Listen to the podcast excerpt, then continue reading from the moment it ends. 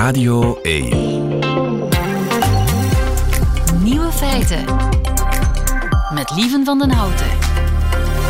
Dag en welkom bij de podcast van uh, Nieuwe Feiten, geïnspireerd op de uitzending van 24 mei 2023. In het nieuws vandaag dat u niet alleen een toegangsticket voor de Efteling kunt kopen, maar ook een toegangsverbod. Op de tweedehandswebsite Marktplaats staat er sinds begin deze week een bijzondere aanbieding. Parkverbod van de Efteling, ondertekend en wel, zo staat het er. Een 20-jarige vrouw uit Waalwijk in Nederland mag het park zes maanden niet meer in omdat ze een paar attracties omtoverde tot een badkuip met veel schuim. Ze goot namelijk een scheutje afwasmiddel in de waterbakken van de Kleine Zeemeermin en het Carouselpaleis. En daar konden ze bij de Efteling niet mee lachen. Ze kreeg meteen een parkverbod. De vrouw zelf vindt het parkverbod een mooie aanvulling voor ieders collectie, sluiten aanhalingstekens. De aanbieding begon als een grap, maar levert haar nu toch al de volle 10 euro op. Tja, Hollanders zeker. De andere nieuwe feiten vandaag. Ierland wil waarschuwingsetiketten op bier en wijn. Maar de Italianen willen daar een stokje voor steken. Strijkplankpoëzie verovert Nederland. Strijkplankpoëzie wil mannen doen praten over hun gevoelens. De wiskundige formule van het mannelijk orgasme is er. En Rick de Leeuw vindt met uw hulp een woord voor lawaaimakers op de trein. De nieuwe feiten van Jovan Castiel, die hoort u dan weer in haar middagjournaal. Veel plezier. Nieuwe feiten.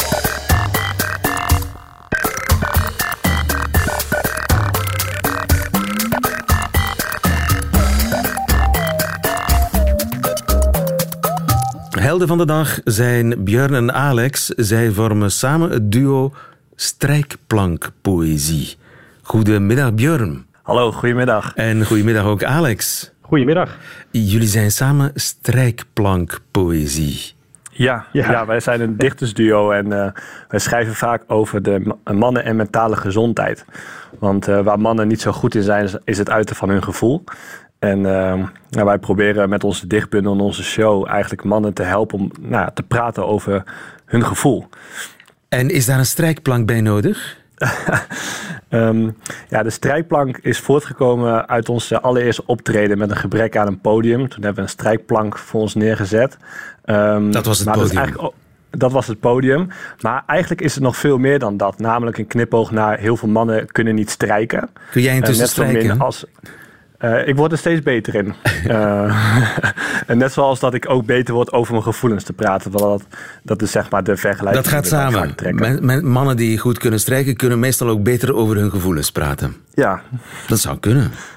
Dus jullie zijn dichters met een missie, uh, namelijk mannen aan de praat krijgen over hun gevoelens.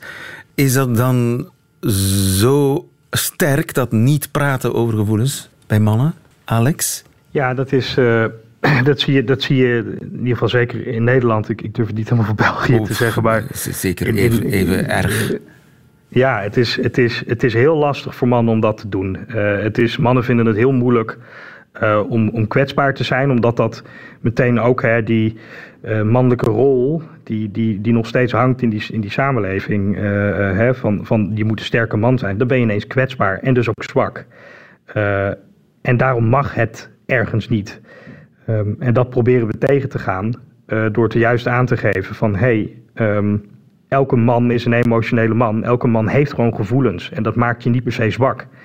Uh, en is dat iets wat je zelf hebt moeten ontdekken? Ja, uh, heel erg.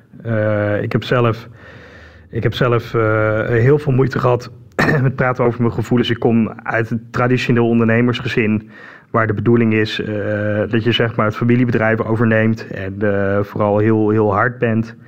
Um, maar ja, dat, is eigenlijk niet per se wat ik wilde.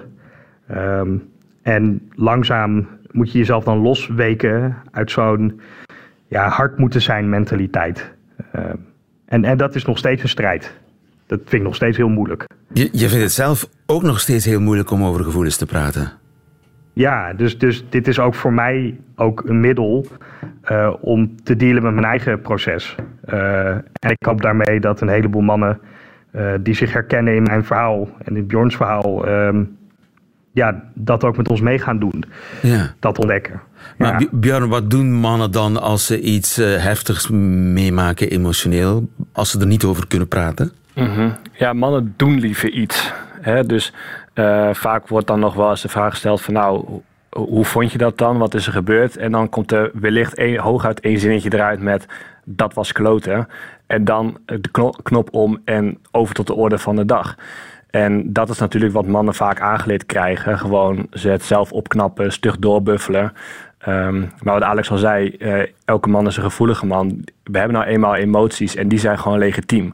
Uh, en het is heel belangrijk om daar af en toe bij stil te staan. Want ja, anders krop je het op en dan nou ja, vroeg of laat dan ren je dan tegen de muur aan. En dan komt het misschien twee keer zo hard terug. Ja. Het is een soort watjesangst. Hè? De angst om een watje te zijn.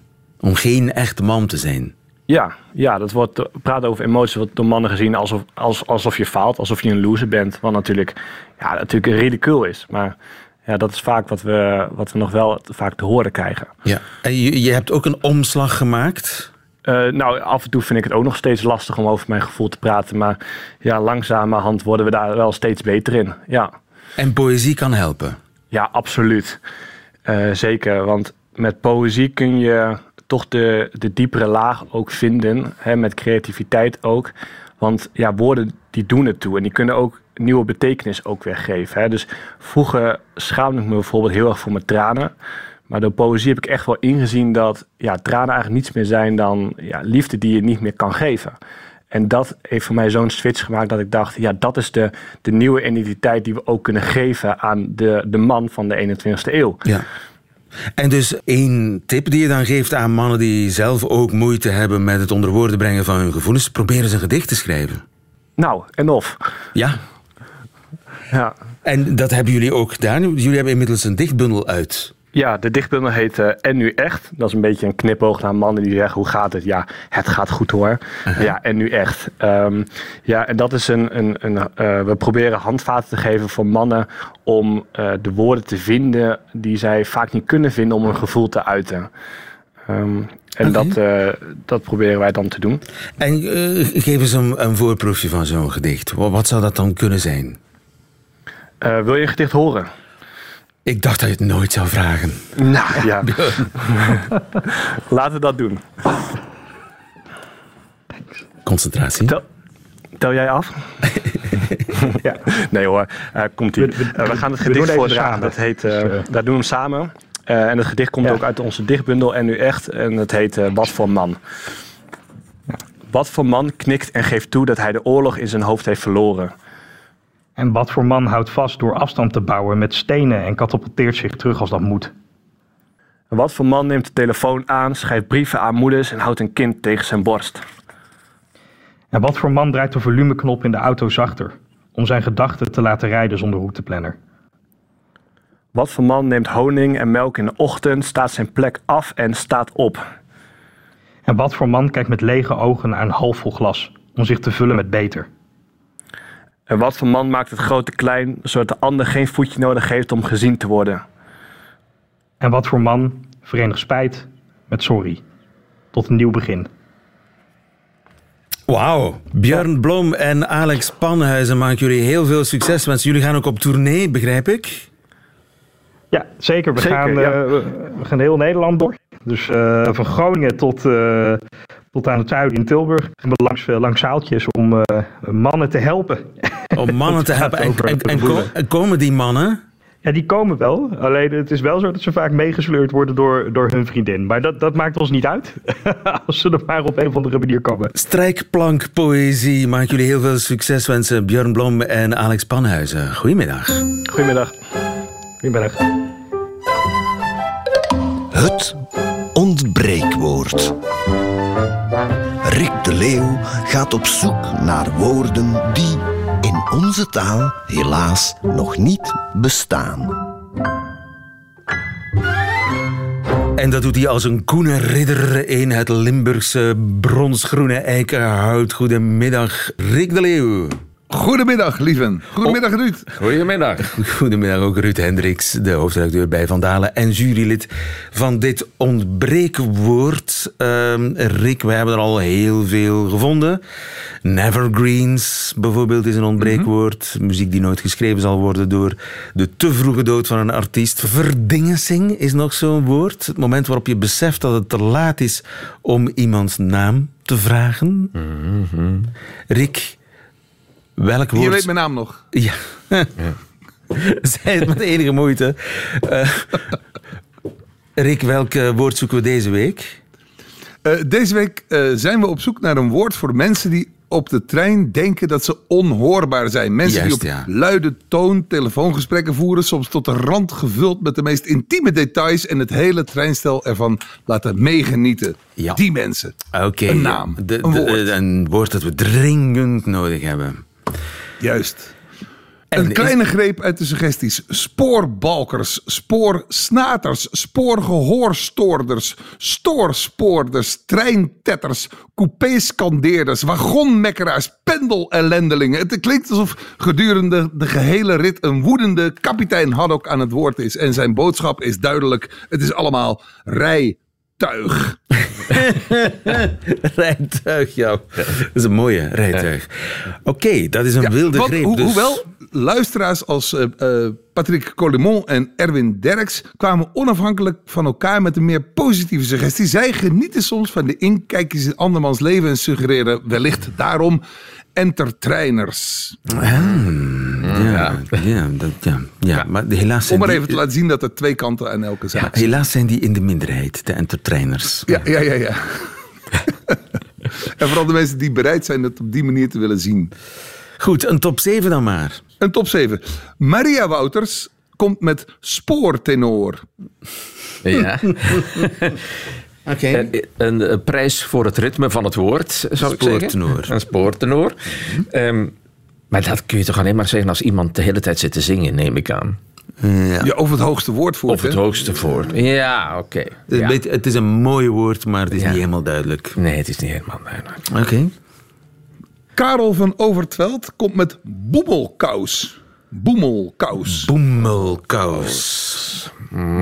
Dan zitten we in het rijtje van woorden op kous. En die worden gemaakt, zegt de grammaticus in mij, met een werkwoordstam.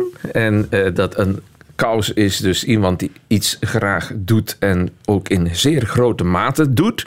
Dus dat is een boemelkous, is iemand die veel boemelt. Ja. Dus dat is... eh, Ja. hè, zoals zeurkous, babbelkous, kletskous, boemelkous. Dat is eigenlijk iemand die Aan de rol gaat. ja, of te veel drinkt of zo. Ja, een beetje... Ah, beetje manier. Mooi Ja, ja, woord, ja. Karel Ja, ja, van ja, ja, ja, ja. maar eh, niet helemaal toepasselijk. Ja, maar toch, je ziet de boemelkous wel zitten in de coupé. Ja. Ja, in de boemeltrein. Ja. Eh, Peter van Aert komt met coupé-kaper. Kijk, dit vind ik mooi. Coupé-kaper. Dat is mooi, hè? Dat is heel mooi. Doet een beetje denken aan Comedy Caper. Comedy Capers, dat was toch vroeger zo'n programma Ja, op ja, ja, televisie? ja, ja, Ja. ja, met, die, met die hele reeks die achter een Ja. politieauto aansleept. Coupé-kaper. Eh, Ja, hij is eigenlijk fantastisch. Hij is zeker fantastisch, omdat het, eh, het deed mij meteen woord, denken aan het woord domeinkaper. Dat is iemand die zo eh, URL's, hè, internetdomeinen, opkoopt om ze daarna voor veel geld door te verkopen. Dat is zo iemand die iets, zich iets toe-eigent dat eigenlijk niet Juist, van ja. hem is. Dus dat is iemand die zo de hele coupé voor zichzelf Juist, ja. En die, is niet- Mooi, en, hè? en, en die dat ook normaal vindt. Ja. Mooi, hè? Ja, ja, Ja. ja. Mooi, mooi, mooi, mooi. Kijken of Erik Vliegenberg daar nog overheen kan komen Ik met zijn kedenkedenger. Een kedenkedengert. Ja. Ik vind hem ook heel leuk. Ja, heel mooi, maar Te leuk. s- sinds, sindsdien gaat eh, Guus Meeuwis niet meer uit mijn hoofd. Kedenk, kedenk, Ah,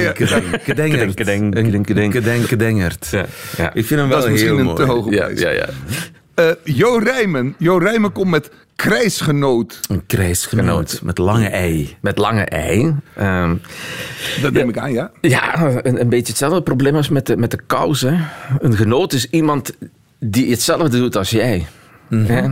Een eetgenoot als iemand die samen, een bedgenoot die samen met jou in bed ligt. Een, een speelgenoot als iemand die samen met jou speelt. Dus als je zelf een, dom, een coupé-kaper bent, Ja, dan Ah ben je ja, een dan vind je krijgsgenoot. krijgsge- krijg- dat is Ja, iemand die dan krijg je mee. Vind je Ja, een ja, ja, krijgsgenoot ja. in Jo Rijmen? Ja. Ja, ja, ja, ja. Oké, nee, goed. Nou, daar, daar hebben wij dus iemand van Van Dalen voor nodig om dat eh, te zien. Heerlijk, hè? Goed. Heerlijk. Eh, Jim de Groot en Guido van der Wiel komen onafhankelijk van elkaar met railschopper. Geen railschopper, maar een railschopper.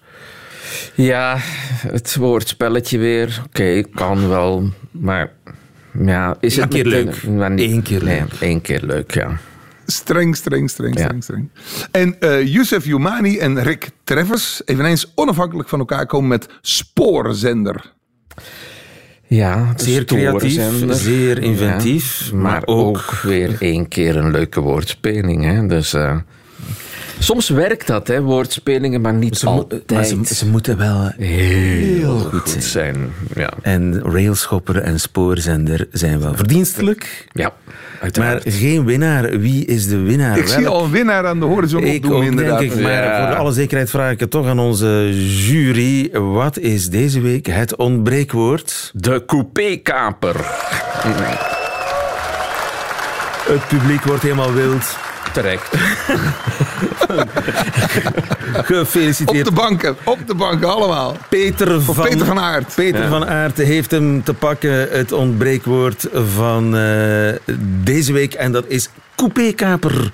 Voor iemand die voor de hele coupé zijn eh, ja, interne keuken, zijn eh, hele privéwinkel aan de telefoon ten gehore brengt. Goed, dat betekent, Rick, dat wij een nieuw woord nodig hebben. Een nieuwe opdracht.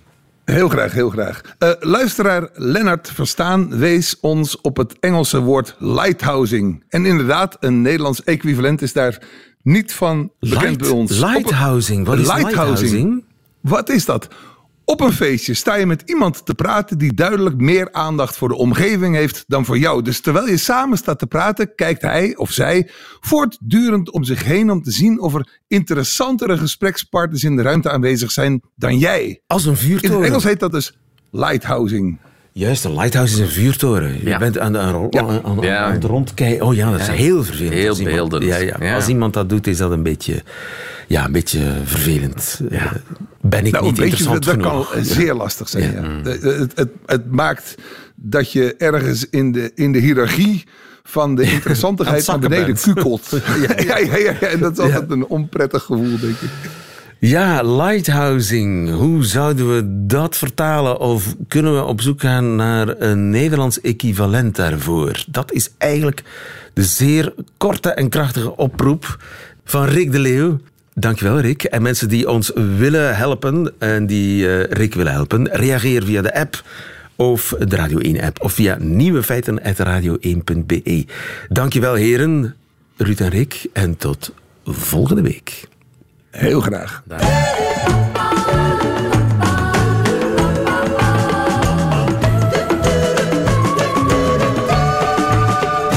Nieuwe feiten. Wiskunde is overal. Het zit in uw bril, het zit in de stoel waarop ik zit, eh, het kopje waaruit ik drink, in de radiogolven waarop ik eh, in uw radio kom gesurfd. En dus zit wiskunde ook tussen uw benen. Wim Slabbink, goedemiddag. Goedemiddag. Je bent seksuoloog.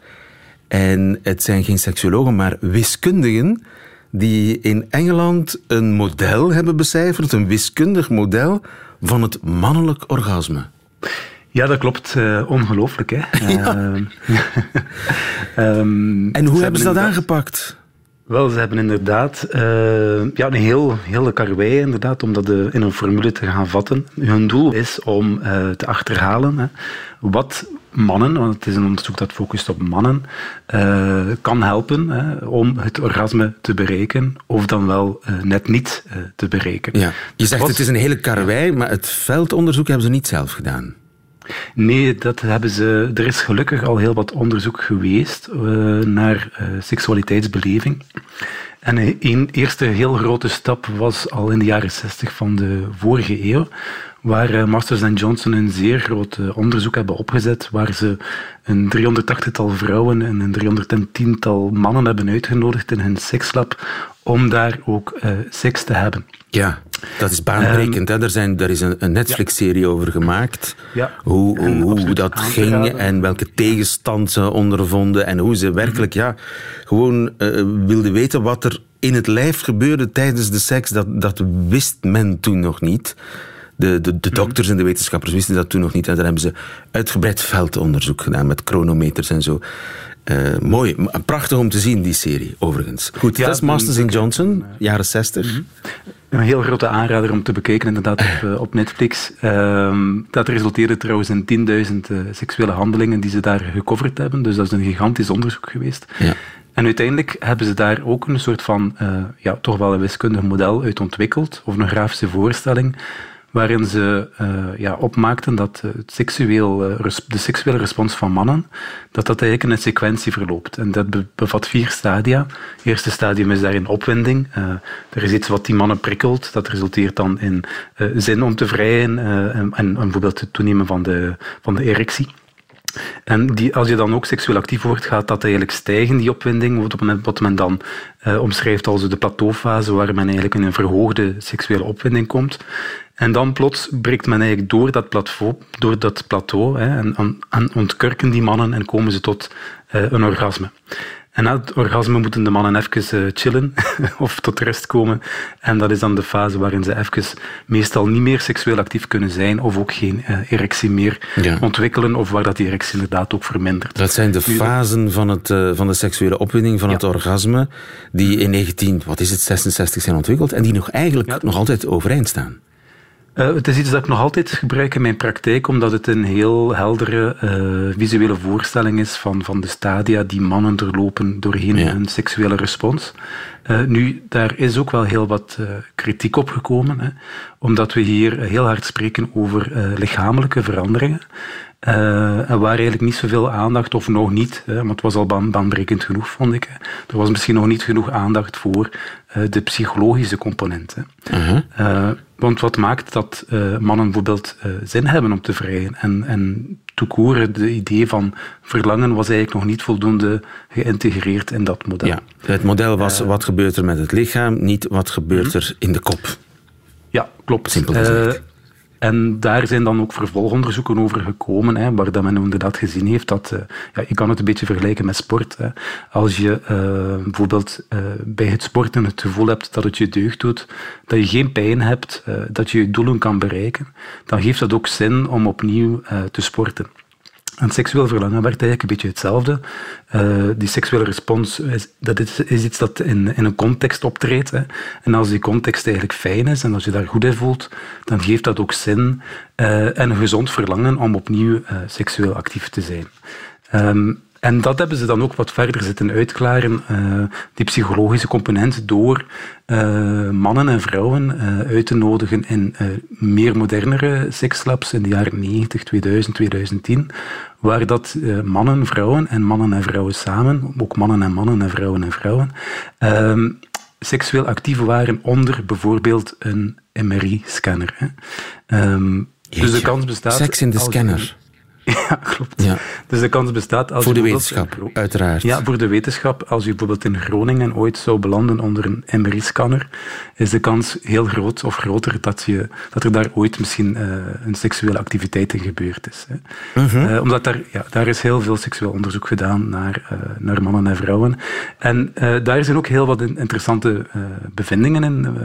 Allee, men heeft daar eigenlijk ontdekt dat bijvoorbeeld als, als mannen zich naar een orgasme toewerken, dat ze niet meer psychologisch actief worden of mentaal bezig zijn, maar net minder. Um, dus dat betekent eigenlijk concreet dat, dat delen in het brein die instaan voor uh, zelfcontrole, uh, zelfbesef, uh, coördinatie, dat die wat minder actief worden of zelfs uitvallen. Ja, ja je komt in, een, in bijna half slaaptoestand. Het lichaam neemt het over. Het lichaam neemt het inderdaad over. En dat is ook wel iets wat, wat cliënten uh, vaak aan mij vertellen. Dat ja, uh, om te kunnen klaarkomen moet je een beetje in een soort van, van trance komen. Een vorm van loslaten, zoals we dat in, ja. in meditatietermen wel ook kan schrijven. Hè. Waar dat eigenlijk, ja, mocht, er, mocht er bij wijze van spreken heel veel lawaai zijn buiten of zo, dat jou dat eigenlijk niet meer stoort of dat je dat zelf eigenlijk niet meer gaat opmerken. Ja. dus het lijf, het lijf neemt het over en dat zien we heel goed in het orgasme. Tijdens het orgasme heb je helemaal geen controle meer over, uh, over je lijf. Hè. Je, je rilt, je schokt, je beeft. Uh, en dus is het eigenlijk heel belangrijk om, als je naar dat orgasme toe werkt, om minder psychologisch actief te zijn. Ja, maar goed, dat is dan allemaal het veldonderzoek dat gebeurd is in Groningen onder meer, maar ook door Masters en Johnson. Ja. Masters Johnson. Wat hebben nu die wiskundigen in Engeland, waar zijn zij achter gekomen? Of wat hebben ze gedaan? Dus dus die twee dingen uh, hebben zij samengevoegd en ze hebben enerzijds de psychologische component, maar ook de fysiologische component naast elkaar gelegd. Hè. De data van al die onderzoeken daarin toegepast. En daaruit hebben ze dan ook uh, tot wiskundige formules gekomen, waarin ze die seksuele respons van de mannen gaan beschrijven. En daar zijn wel een paar uh, interessante bevindingen uitgekomen. Alright. Ehm, de belangrijkste daarin is dat volgens de onderzoekers een, een, broek, een broek die echt vol goesting zit, dat dat misschien een beetje te veel van het goede is. Um, te opgewonden zijn is ook niet goed. Ja. Nee, te opgewonden zijn is ook niet goed. Dus de mannen die uh, bijvoorbeeld voor uh, de seksuele activiteit uh, veel te veel zin hadden, hè, of veel te veel bezig waren met hoe zal ik het doen, hè, zal ik wel goed presteren, ehm, die ontwikkelden vaak een overstimulatie tijdens de seks uh, lees uh, stress, paniek, uh, angst. En dat leidt eigenlijk vaak tot erectieverlies. Ja, er staat Wat? te veel op het spel. Ja, te veel druk op de ketel. dus uh, de optimale conditie volgens de onderzoekers is eigenlijk om uh, doorheen de seksuele respons, uh, ja, ten eerste hè, het seksuele contact aan te gaan, het lijf te laten spreken. Hè, dan langzaamaan ook meer te gaan focussen op wat dat eigenlijk mentaal aan jou biedt. Hè. Of, dat is hier fijn, ik vind mijn partner mooi, prettig, hè. ik word er heel opgewonden van. Hè. Maar als je dan de transfer wil maken naar het orgasme toe, hè, is het heel belangrijk dat je opnieuw uh, uh, de focus gaat switchen van het mentale uh, naar het fysiologische. Ja, en dat wisten en, we dus eigenlijk al, maar nu staat het ook in een wiskundige formule op papier. Ja, daar, uh, dat het klopt inderdaad. Ik denk dat dat voor veel mensen niet zoveel nieuws onder de zon is. Ja. Uh, maar het is wel uh, iets dat op een, op een wiskundige manier kan beschrijven wat mensen eigenlijk ervaren. Hè. Ja. Um, en dat is wel iets heel, heel belangrijk en vernieuwend daarin. Hè. We hebben een tal van zaken die ons helpen om ons bloed te monitoren, om onze hartslag te monitoren, zelf onze sportprestaties te gaan voorspellen. Um, en, en de, de maar dat seksuele, dat zit nog altijd in een, in een taboesfeer. Mm -hmm. En dat gaat er nu langzamerhand uit. En ja, mocht ik leraar wiskunde zijn en ik heb moeite om de aandacht van mijn leerlingen te krijgen, ja. dan wist ik het wel. Toch? Absoluut. Wim Slabbink, dankjewel. Goedemiddag. Goedemiddag. Nieuwe feiten.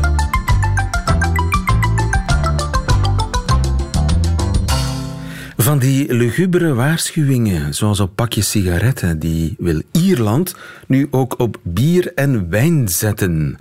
Maar volgens onder meer Italië is dat gewoon verboden. Hendrik Vos, goedemiddag. Goedemiddag, dag lieven. Je bent uh, Europa-expert aan de Universiteit van Gent. De Ieren zijn kennelijk kampioen drinkers. Ze staan op de zesde plaats in de Europese alcoholhitparade. Overigens opeenstaande Tsjechen dat zijn de okay. echte kampioenen. En nu wil de Ierse regering haar verantwoordelijkheid nemen met een nieuw etiket. Welk etiket is dat? Weet je dat? Ja, het is de bedoeling dat op alcohol, dranken, dat daar een, uh, een gezondheidswaarschuwing zou op staan, uh, waar duidelijk wordt van uh, het drinken van alcohol ja, dat is niet goed voor je gezondheid. En, en daar ga je kanker van kunnen krijgen en, en allerlei andere vieze ziektes. En um, op die manier proberen ze dan alcoholconsumptie in Ierland te ontmoedigen. Ja, en het is het eerste Europese land, of misschien zelfs het eerste uh, land ter wereld dat zoiets gaat proberen. Ja, dat zeggen ze toch. Dat, dat uh, nergens anders in de wereld men zo ver zal gaan in het ja, echt duidelijk maken dat drinken van alcohol dat dat schadelijk is. En nu zijn er Zuid-Europese landen die zich daarmee willen moeien met die plannen. Ja, want zij zeggen van we zijn in Europa één markt en als elk land zo eigen regeltjes begint te maken, ja, dan hebben we straks weer slagbomen nodig om ja, te kunnen nakijken of alles wat er je eigen land binnenkomt wel aan je eigen regeltjes en normen en staden beantwoordt. Dus als je met zoiets begint, ja, dan, dan hol je eigenlijk de Europese eenmaking uit. Dat is wat een aantal zuidelijke landen zeggen en, en ja, vooral de wijnboeren zitten hen dat in te fluisteren van hè, probeer op die manier toch die Ierse regeling ja, ergens te, te blokkeren of, of, of zorg dat die verboden wordt. Ja, dus dat met name dan Italië, Frankrijk, Spanje, de wijnproducerende landen die proberen dat tegen te houden via Europa. Hebben zij juridisch, technisch een punt? Het zal waarschijnlijk niet lukken. Uh, moest Ierland nu zeggen van wij verbieden de invoer en de verkoop van, van wijn of van cognac of van...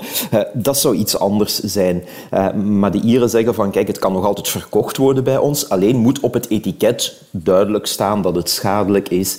En de Europese Commissie heeft er ook al naar gekeken en heeft gezegd van ja, voor ons is dat dan eigenlijk geen belemmering van ja, de ene Europese markt. Hè. Dit betekent gewoon dat de Ieren ja, een, zekere alertheid hebben voor een, een, probleem van volksgezondheid. En dat mag, dat, dat, dan mag je uh, een extra eis opleggen aan ja, bijvoorbeeld in dit geval dan de verkopers van... Uh, de producenten van, van, van alcohol. Ja, dat is geen belemmering van de interne vrije markt, zegt de Europese Commissie. Maar wat ik mij afvraag is, hoe zit dat met die waarschuwingen op tabak? Zijn, ja. Dat is overal in Europa zo. Is dat Europees geregeld en Europees ja. verplicht, die etiketten? Dat, dat, dat is Europees geregeld tot in, in de hele kleine details. Zelfs, hè, zelfs de dikte van het kadertje waar dat die gezondheidswaarschuwing in staat, hè, meet dat na. Dat is 3,5 mm. Dat is overal in de Europese Unie zo. Hè. Welke foto's dat moeten gebruikt worden. Zo. Het ziet er allemaal weinig appetijtelijk uit. Hè, met die hè, longen van een roker of de tanden van een roker enzovoort. Ja. Dat is een Europese database waaruit die foto moet gekozen zijn. Hè. Ook die boodschap van eh, rokers sterven een langzame, pijnlijke dood enzovoort. Ja. Dat is Europees geregeld. En dat is natuurlijk ook de meest elegante manier om het te doen. Hè? Van, uh, je, je, je hebt die, die ene markt zonder de slagbomen, dus dan spreek je af dat je dat overal op dezelfde manier doet. Maar ja, ook als het ging over die, die, die, dat, dat ontmoedigen van roken, zie je dat er toch altijd eerst een aantal landen zijn die voortrekker zijn, die zeggen van kijk, wij, wij gaan daar ver in. En dan zie je dat, ja, dat andere landen beginnen te overwegen om te volgen. En, en ja, dat is het moment waarop dat dan ook echt hoog op de Europese agenda komt. En vroeg of laat worden die dingen dan niet altijd, maar vaak toch wel Europees geregeld. En, ja. en nu heb je Ierland dat het voortouw neemt in het, uh, ja, het ontmoedigen van alcohol. En zou dit hetzelfde traject kunnen volgen, dit, dit, dit ontmoedigingstraject? Zou het beginnen in één land en dan Europees worden, denk je? Ja, misschien wel, maar uh, ja, het verzet van de wijnboeren vooral zal, uh, en, en van ja, grote bierbrouwers uh, zal wel heel groot worden. Hè. Zolang dat die erin slagen om een aantal landen echt voor hun kart te spannen, um, ja, zal het moeilijk zijn. Maar, maar goed, enfin, het is al enige tijd hè, dat daar Europees wel over nagedacht wordt. hoor. Maar ja, het feit dat het zo moeizaam gaat toont aan dat de, dat de lobby die er zich tegen verzet ook wel heel sterk is. En ja. dat die erin slaagt om politici mee te krijgen. Hè? Ja, en dat de economische belangen heel groot zijn. Want ja, uiteindelijk uh, meer en meer blijkt ook wetenschappelijk dat alcohol en alcoholmisbruik een gigantisch probleem is. Het is ja, een beetje stom denk, om, om, problemen ja. met roken, om dat af te wegen. Maar goed, uh, wat is slechter, wat is... Uh, maar, maar, maar toch, het op, opvallend is toch de, de nauwgezetheid waarmee Europa tegen tabak vecht uh, en de laksheid waarmee het tegen alcoholmisbruik vecht, toch? Ja, ja, ja. De, de, de, de, sigarettenfabrikanten die hadden zich nogthans ook heel, heel sterk georganiseerd. Hè. En die, die hebben ook een hele sterke lobby. Maar ja, het, het bewijs dat, dat, al, dat, dat, sigaretten schadelijk is, dat was zodanig overweldigend en, en, en zodanig algemeen gedeeld. Um, dat, je, ja, dat je daar ook echt niet meer onderuit kan. Terwijl bij alcohol is dat intussen ook wel zo. Maar tegelijk blijft er zo nog wel een sfeer rondhangen van ja, niet zo lang geleden werd nog gezegd van uh, elke dag één of twee glazen rode wijn, dat is goed hè, voor de hart- en vaatziekten. En, en ja, de, de maatschappelijke veroordeling van alcohol is nog niet even groot als dat destijds wel was voor sigaretten. En ja, de politiek die, die, die volgt die maatschappelijke trend. Hè, en, en dat loopt hier dan duidelijk een beetje achterop. Helder, dankjewel Hendrik Vos. Goedemiddag. Tot later. Nieuwe feiten. Radio 1. En dat waren ze, de nieuwe feiten van 24 mei 2023. Alleen nog die van Jovan Stiel. Die hoort u nu in haar middagjournaal. Nieuwe feiten. Middagjournaal.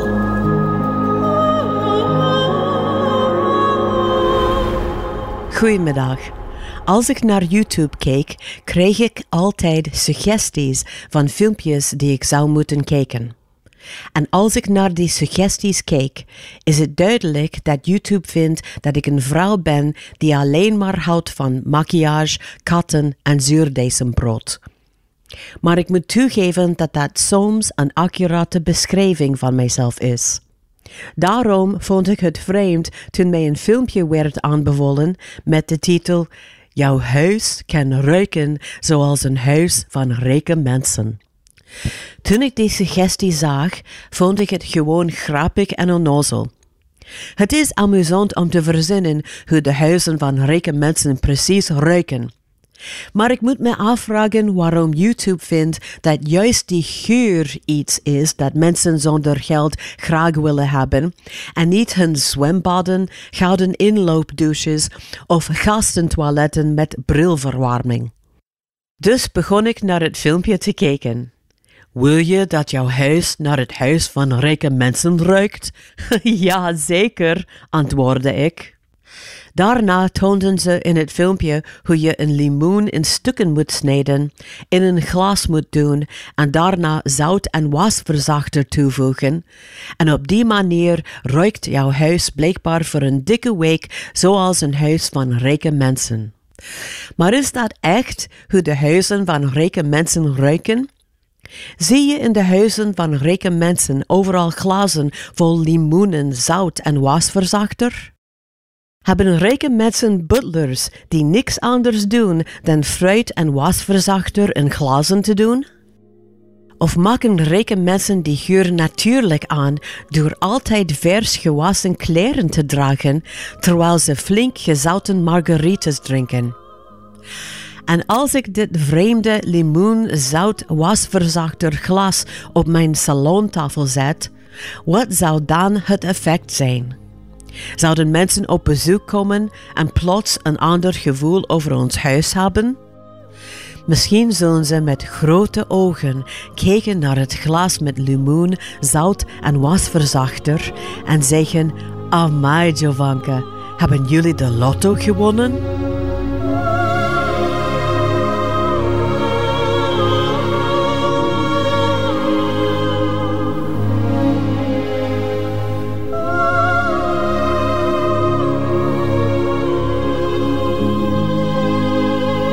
Middagjournaal met Jovanka Stiel. Einde van deze podcast hoort u liever de volledige nieuwe feiten met de muziek erbij. Dat kan natuurlijk elke werkdag tussen 12 en 1 op Radio 1 of on demand via de Radio 1 app of website. Tot een volgende keer.